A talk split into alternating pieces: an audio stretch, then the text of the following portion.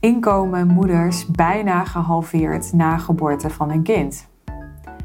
En ik kwam wel even binnen, omdat het uh, voor mijzelf nog geen anderhalf jaar geleden is dat mijn uh, dochter is geboren.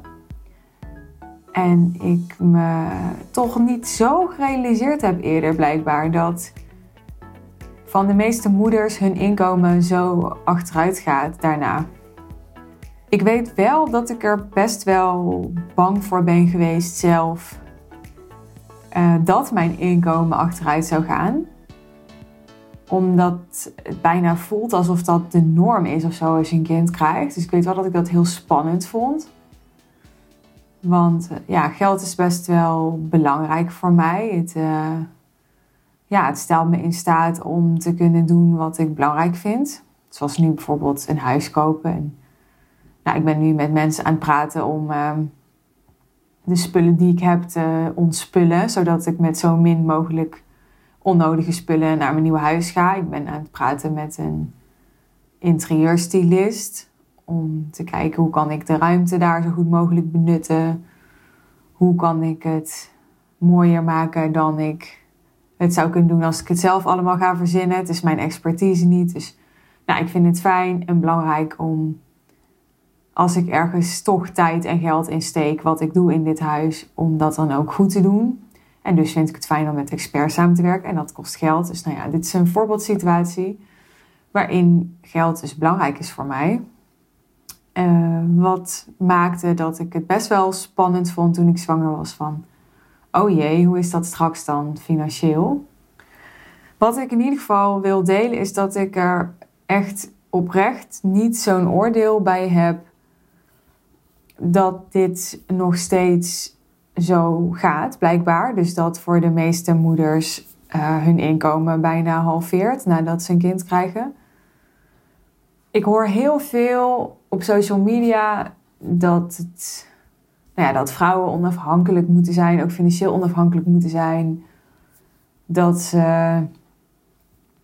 uh, niet naïef moeten zijn. Maar ook dat natuurlijk meer vrouwen aan de top zouden moeten komen. Dat we door het glazen plafond moeten breken. En dat vrouwen meer gerepresenteerd zouden moeten worden in de media. En ik weet dat dit misschien nogal een statement is, maar I don't really care, om, eerlijk te zijn. Ik, uh, ik heb laatst een keer op social media gezegd, en ik vind het best wel spannend om dit zo te delen, maar weet je, als als ik op tv alleen maar mannen zie. Ik heb trouwens helemaal geen tv, maar het, het boeit me allemaal echt niet zo. ik, uh, ik, het, ik weet niet. Bij mij heeft, heb ik dat soort opmerkingen altijd een beetje een averechts effect. Ik heb het gevoel dat vrouwen er juist kleiner door worden gemaakt, weet je wel? Omdat alsof wij minder waard zijn of zo, doordat we niet zo zichtbaar zijn in de media. Of doordat we niet zoveel verdienen, of dat we ik, ik vind het, ja, weet je, als vrouwen minder gaan werken en ervoor kiezen om minder te verdienen, prima. Weet je wel, ga je gewoon. En ja, als je man dan vreemd gaat en dan heb je misschien een probleem en dan, nou ja, dan vind je waarschijnlijk wel een oplossing of niet. Maar ja, je hebt daarvoor gekozen en uh, zoals een andere vrouw er misschien voor kan kiezen om uh, veel te werken en niet zoveel bij haar kind te zijn. En dan later ook te denken als dat kind ouder is, nou dat had ik misschien anders kunnen doen, was niet zo handig. Weet je wel, zo, zo is het leven. dus je maakt keuzes op basis van wat je op dat moment denkt dat goed is. En achteraf denk je misschien soms, ja, het was nu niet zo, was achteraf minder handig geweest. Dat is hoe ik daar naar kijk. Ik, uh, ik voel me niet zo'n uh, feminist. Terwijl ik wel ja, al uh, nou ja, bijna tien jaar nu mijn eigen geld verdien en wel financieel onafhankelijk ben in die zin. In ieder geval niet afhankelijk van een man of zo of zoiets dergelijks. Maar voor de duidelijkheid, voor mij uh, is het dus, uh, ja, heeft het anders uitgepakt. Dus wat ik in mijn vorige podcast al vertelde, is dat ik uh, afgelopen drie jaar steeds ben gegroeid. En ik ben. Ik weet niet zozeer of ik minder ben gaan werken. Want ik, uh, ik werkte het jaar voordat ik een kind kreeg, werkte ik ook al veel minder. ik ben in ieder geval uh, productiever en effectiever geworden wel. Dus eerder waren mijn werkuren verspreid over vijf dagen. En als ik een keer zin had, dan misschien in het weekend of s avonds. Maar dat deed ik eigenlijk al niet meer zo vaak. En nu ben ik toch wat beperkt in wanneer ik werk. Doordat ik uh, mijn dochter heb. Doordat mijn dochter er is. Ik vind het zo raar om te zeggen dat ik haar heb. Dus doordat mijn dochter er is. Uh, voor de duidelijkheid, situatie is zo dat um, ze drie dagen naar de opvang gaat en één dag bij mij is en één dag met Bas. Wat betekent dat ik um, vier dagen heb om te werken. Maar ik, uh, ik track mijn werkuren met Toggle. Het is echt wel een aanrader trouwens om dat te doen als ondernemer heel interessant om inzicht te krijgen in waar je je tijd aan besteedt. Ik ben daar echt productiever door geworden. En ook nog bewuster met mijn tijd uh, om aan het gaan sinds ik uh, mijn uh, ja, soort uren schrijf, zou je kunnen zeggen. Ik hou mijn uren dus bij en ik maak zo'n 25 tot 30 uur in de week. En dat heeft bijvoorbeeld mee te maken dat ik soms ook wel eens een, een privé-afspraak of privé-belafspraak doe als Verily Joy uh, naar de opvang is. Of in ieder geval als in mijn werktijd, zou je kunnen zeggen.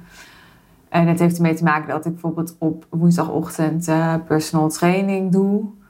Nou ja, dat resulteert er vaak in dat ik dan niet voor half elf aan het werk ben sowieso ben ik niet zo'n ochtendmens. Dus het gebeurt wel vaker dat ik uh, half tien, tien uur of half elf begin. Ik denk gemiddeld zo half tien, tien uur. Daarvoor gebeurt er niet zo heel veel bij mij. Nou ja, en als je dan uh, bijvoorbeeld tussendoor een keer eten maakt, um, een keer met de hond gaat wandelen en ik uh, ga om half zes ga ik mijn dochter ophalen, dan uh, maak je geen acht uur. Je schijnt ook helemaal niet acht uur productief te kunnen zijn op een dag. Dus dat is prima. Maar ik maak dus zo'n 25 tot 30 productieve uren per week, zou je kunnen zeggen. En ja, daarmee is mijn inkomen niet gehalveerd, maar gegroeid. En misschien vraag je je dan af als ik dat zo stel met hoeveel dan? En dat is een hele goede vraag. En nu ga ik een beetje door de mand vallen. Want ik ben, ehm, ik hou altijd goed mijn omzet in de gaten. En ook wel mijn kosten. Maar als je mij dus vraagt van wat is nou je winst echt? Dus wat is daar dan de uitkomst van? Dan kan ik dat wel ergens terugvinden. Maar dan heb ik dat dus niet zo paraat. Ja, ik ben maar gewoon goud eerlijk mensen. Want die winst is, is in feite mijn inkomen, zou je kunnen zeggen. Maar ik gebruik niet alles als inkomen, want er zit ook, ik laat ook wat geld in het bedrijf om investeringen te kunnen doen en dergelijke. Maar goed, ik zal me dus af te vragen van, uh, afgezien van dat ik dus niet in uh, loondienst ben, maar ondernemer, wat maakt nou dat het mij dus lukt om niet mijn inkomen te laten halveren? Daar zat ik zo een beetje over na te denken net. En ik denk dat een heel belangrijk ding is dat het dat voor mij was het gewoon echt een no-go. Ik zei net al dat geld best wel belangrijk is voor mij. Dus ik, ik was en ben ook echt uh, vastberaden geweest om dat gewoon niet te laten gebeuren. Daar begint het denk ik mee. Je moet het, je moet het echt willen. Dus ik ben en gewoon ambitieus. En ik, um, ja, ik ben erachter gekomen de laatste tijd eigenlijk pas. Uh, bijvoorbeeld dat ik een Human Design Reading heb gedaan, dat ik dat ik blijkbaar eh, best wel veel energie heb. Wat ik helemaal niet zo ervaar, moet ik eerlijk zeggen. Want ik kan me heel vaak moe voelen en ik, ik ben ook niet een, een fysiek energiek persoon, zeg maar, die veel energie kwijt moet of die zich heel energiek voelt. Maar ik kom er dus steeds meer achter dat in vergelijking met andere mensen ik wel. Um, ik kan redelijk gemakkelijk uh, echt productief zijn en echt ook doorzetten en, en misschien soms een knop omzetten en, en dat, ja, dat, is, dat kost me niet heel veel moeite. Sterker nog, ik denk wel eens dat het ehm, ja, in, in moeilijke fases in mijn leven is dat ook een houvast geweest voor mij. Ja, dus uh, op emoties bijvoorbeeld, het is natuurlijk logisch, op emoties uh, heb je zeker heel veel invloed, maar ik heb altijd het gevoel gehad dat ik daar niet zo heel veel grip op had. En doelen stellen en daar dan aan werken is iets waar, je, ja, waar ik voor mijn gevoel meer grip op heb. Dus het is ook denk ik een, een ja, mijn controle ding. Zoals andere vrouwen misschien heel erg bezig zijn met sporten en hun uiterlijk en hun gewicht en dat soort dingen. zo denk ik dat heel veel mensen iets hebben waar, waar ze een, een vorm van schijncontrole uit proberen te putten. Dus ik denk wel dat als ik dat heb, dat dit dan mijn ding is. Een andere reden is ook dat, dat mijn bedrijf wel echt uh, veel prioriteit krijgt. Ik heb me er echt soms over verbaasd. Uh, bijvoorbeeld bij, bij klanten in het verleden dat dan waren er bijvoorbeeld calls in mijn traject en dan um, kwamen ze niet, want dan, uh, of dan waren ze er niet, of dan konden ze niet, want dan, nou ja, dan weet ik veel. Ze moesten naar de tandarts of hun kind, iets met hun kind op school of nou ja, van alles en nog wat. Allemaal dingen die ik op zich ook zou kunnen hebben of zou kunnen moeten doen. Maar ik heb nou bijvoorbeeld het afgelopen half jaar in een internationaal coachingsprogramma gezeten. En dat was best wel intensief. Gemiddeld uh, zaten daar twee uh, calls per week in. En die duurden ook nog eens ongeveer twee uur. En dat waren dan ook gelijk twee avonden per week vanwege het tijdverschil. Dus dat was voor mij op maandagavond en op woensdagavond. Elke week, dus geen breaks, geen vakantie. Dus elke week uh, ongeveer twee uur. En ik heb wel eens iets geskipt. Uh, bijvoorbeeld de, de call voor mijn uh, High Level Sales Masterclass op 26 november. Nou, dat had ik op woensdagavond in een hotel en toen was ik helemaal gefocust op dat event. En toen ging ik niet woensdagavond nog eens een keer die call doen. Hoewel ik best in staat had kunnen zijn om dat wel te doen. Maar ik, dat was in ieder geval toen paste dat echt niet.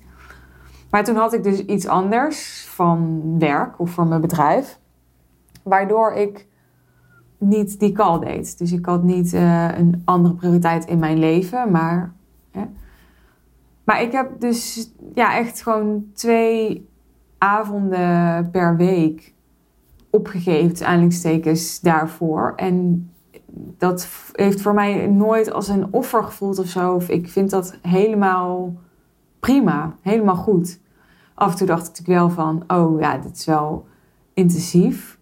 Omdat ik, met name omdat het dan weer via Zoom is. En dan zit je s'avonds weer achter Zoom. En daar zit ik overdag ook al veel achter zeker nu in coronatijd gaan natuurlijk een heleboel dingen die eerder niet via Zoom gingen, nu ook nog via Zoom. Of via Skype of whatever. Maar ik, uh, ja, ik heb dat altijd vrij makkelijk gedaan. Dus dat is ook een beetje wat ik bedoel met energie. Van, uh, dat ik steeds meer merk van, oh, andere mensen die, die, uh, ja, die vinden dat dan echt een big deal. En, en ik, uh, ik doe dat gewoon. Maar dat zou ik niet met alles hebben. Dat is echt omdat mijn bedrijf is belangrijk voor mij. En ik, uh, ja, ik zou nooit ook niet een investering doen in mijn bedrijf. Omdat ik dan, uh, weet ik veel, uh, niet meer op vakantie zou kunnen of zo. Of ehm, gelukkig kan ik al een tijdje gewoon allebei. Maar ik ehm, ja, ik geef redelijk makkelijk prioriteit aan mijn bedrijf. En ik heb gemerkt dat als je dat doet, zowel in tijd als in geld, dat je dan uh, heel snel minder gaat struggelen in je bedrijf met zowel tijd als geld. Dat is wat ik heb ervaren. Dus het is echt even investeren. Of nou ja, even investeren. Kijk, die calls waar ik het net over had, afgelopen half jaar. Ik zit nu in het derde jaar van mijn bedrijf. Dus dat dat blijft wel. Weet je wel, dat je er prioriteit aan moet geven, dat je eraan moet werken. Ik denk dat dat wel blijft. Natuurlijk kun je op een gegeven moment kijken naar, oké, hoe kan ik naar een businessmodel waarin ik mezelf meer los kan maken, als je dat zou willen. Dus dat, dat kan allemaal. Maar ook daarvoor geldt weer, daar moet je dan ook weer eerst tijd en geld in investeren. In zo'n businessmodel, in, in bijvoorbeeld een team inwerken, in dat soort dingen. Over een team gesproken. Uh, ik ben met name het laatste kwartaal van 2020, uh, eh, laatste half jaar zou je kunnen zeggen, laatste kwartaal, ergens ertussenin, hard gegroeid. En dat was toevallig ook, dat liep toevallig samen met dat mijn business manager werd ingewerkt. En ik denk niet dat dat helemaal toeval is. Nu zij goed is ingewerkt, Iris, mijn heldin, merk ik pas hoeveel lucht dat geeft en hoeveel meer ik kan focussen. En ja, focus is key. Focus is alles. Als jij je focust op één ding, dan kan het bijna niet anders dan dat het ene ding gaat lukken. Als je je focust op zes dingen, dan is de kans heel groot dat ze alle zes niet gaan lukken. Dus ik merk echt dat Iris mij nu inmiddels enorm kan ontzorgen, omdat ze A gewoon heel erg goed is. Uh, B nu mijn bedrijf goed kent. En C ook nog eens heel fijn, uh, goed complementair is aan mij. Dus we moeten soms echt lachen om hoe verschillend wij zijn. Dus in sommige dingen, best veel dingen, eigenlijk zijn we vrij tegengesteld. Maar dat is heel erg fijn. Want ik weet daarmee per definitie bijna dat als ik ergens niet goed in ben, en er zijn echt uh, een hoop dingen waar ik niet goed in ben, ook, dan, uh, dan kan ik er dus bijna al van op aan dat Iris daar wel goed in is. En tot nu toe is dat steeds nog zo gebleken.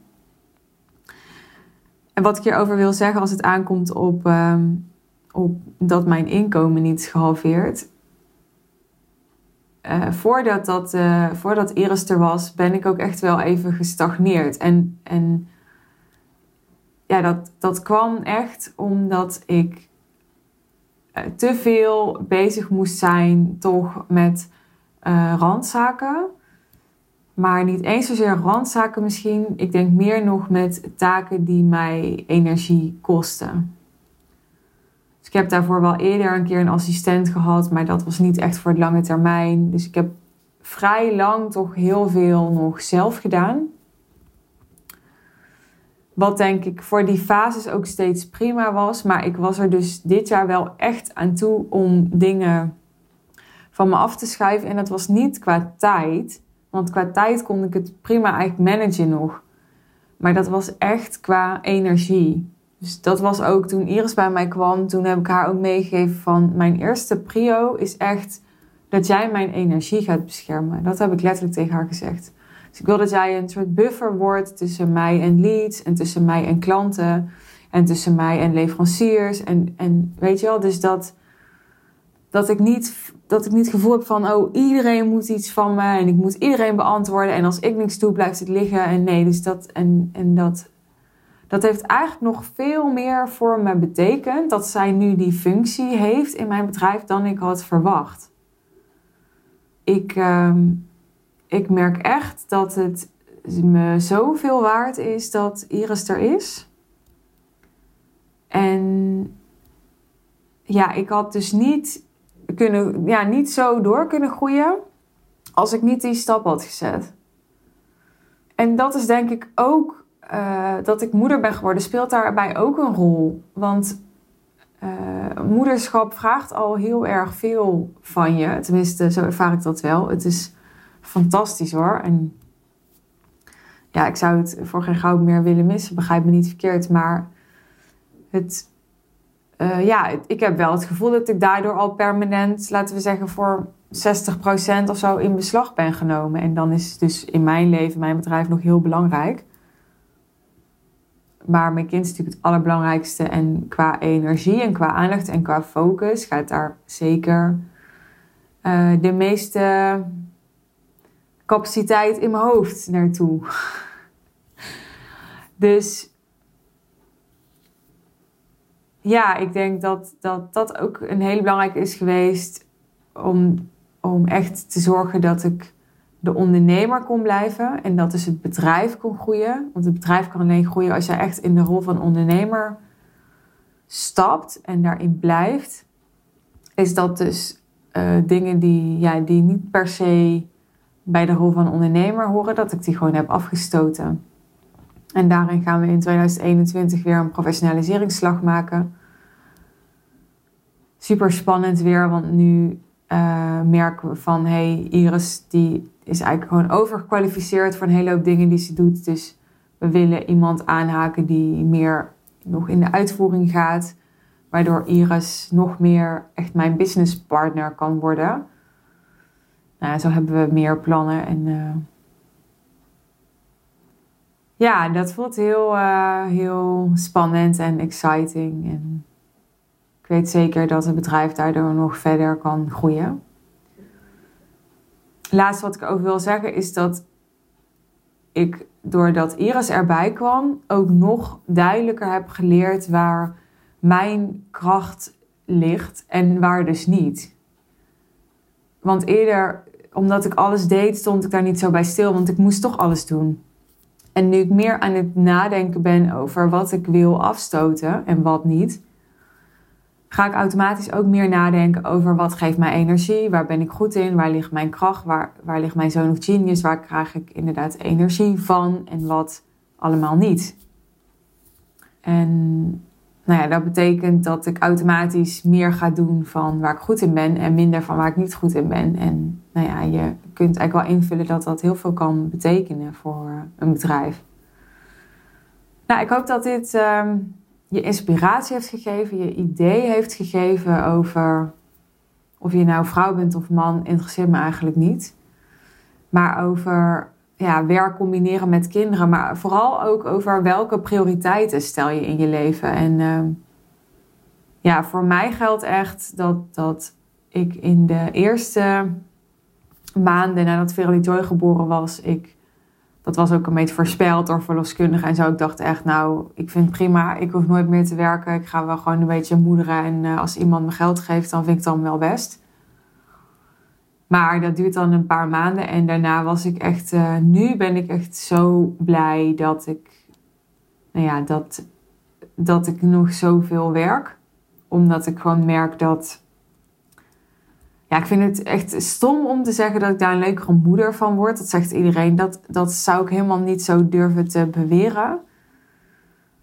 Maar ik ben wel, naarmate Verily Joy wat ouder is, is nog steeds heel jong, maar me wel meer gaan realiseren van het is niet zo dat omdat zij er nu is, dat ik, dat ik mezelf helemaal moet wegcijferen of zo. En ik merk gewoon dat ik uh, graag wil werken en dat ik niet ervoor geboren ben om uh, blokken te stapelen en knutselwerken te maken en te oefenen met lopen en allemaal andere dingen die ik echt prima vind voor een half uur per dag. Maar dan mis ik echt de, ja, de intellectuele uitdaging. En dan word ik ook gewoon ongeduldig. En dan, uh, ik denk oprecht dat het vak ter wereld wat echt het minst goed bij mij zou passen, het vak van kinderleidster is. Zeg maar, oké, er zijn ongetwijfeld meer beroepen, maar dat, dat, nee, dat, dat, nee, alleen bij het idee al gruwelijk daar helemaal van. Echt heel veel respect voor, voor mensen en voor vrouwen die dat wel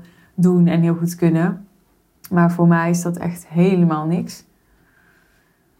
Dus uh, moeder zijn vind ik fantastisch, maar ook daarvoor geldt niet te veel in de uitvoerende rol. Alsjeblieft, daar kom ik niet het beste in tot mijn recht. En daar word ik gewoon niet het meest blij van. En, en dat mag, weet je wel. Los van of dat ik nou dan wel of niet een betere moeder ben of niet. Ik mag, ja, ik voel wel echt dat ik ook mag kiezen voor voor wat voor mij belangrijk is. En, en daarnaast hou ik echt heel goed in de gaten wat ik voor Verily Joy wil.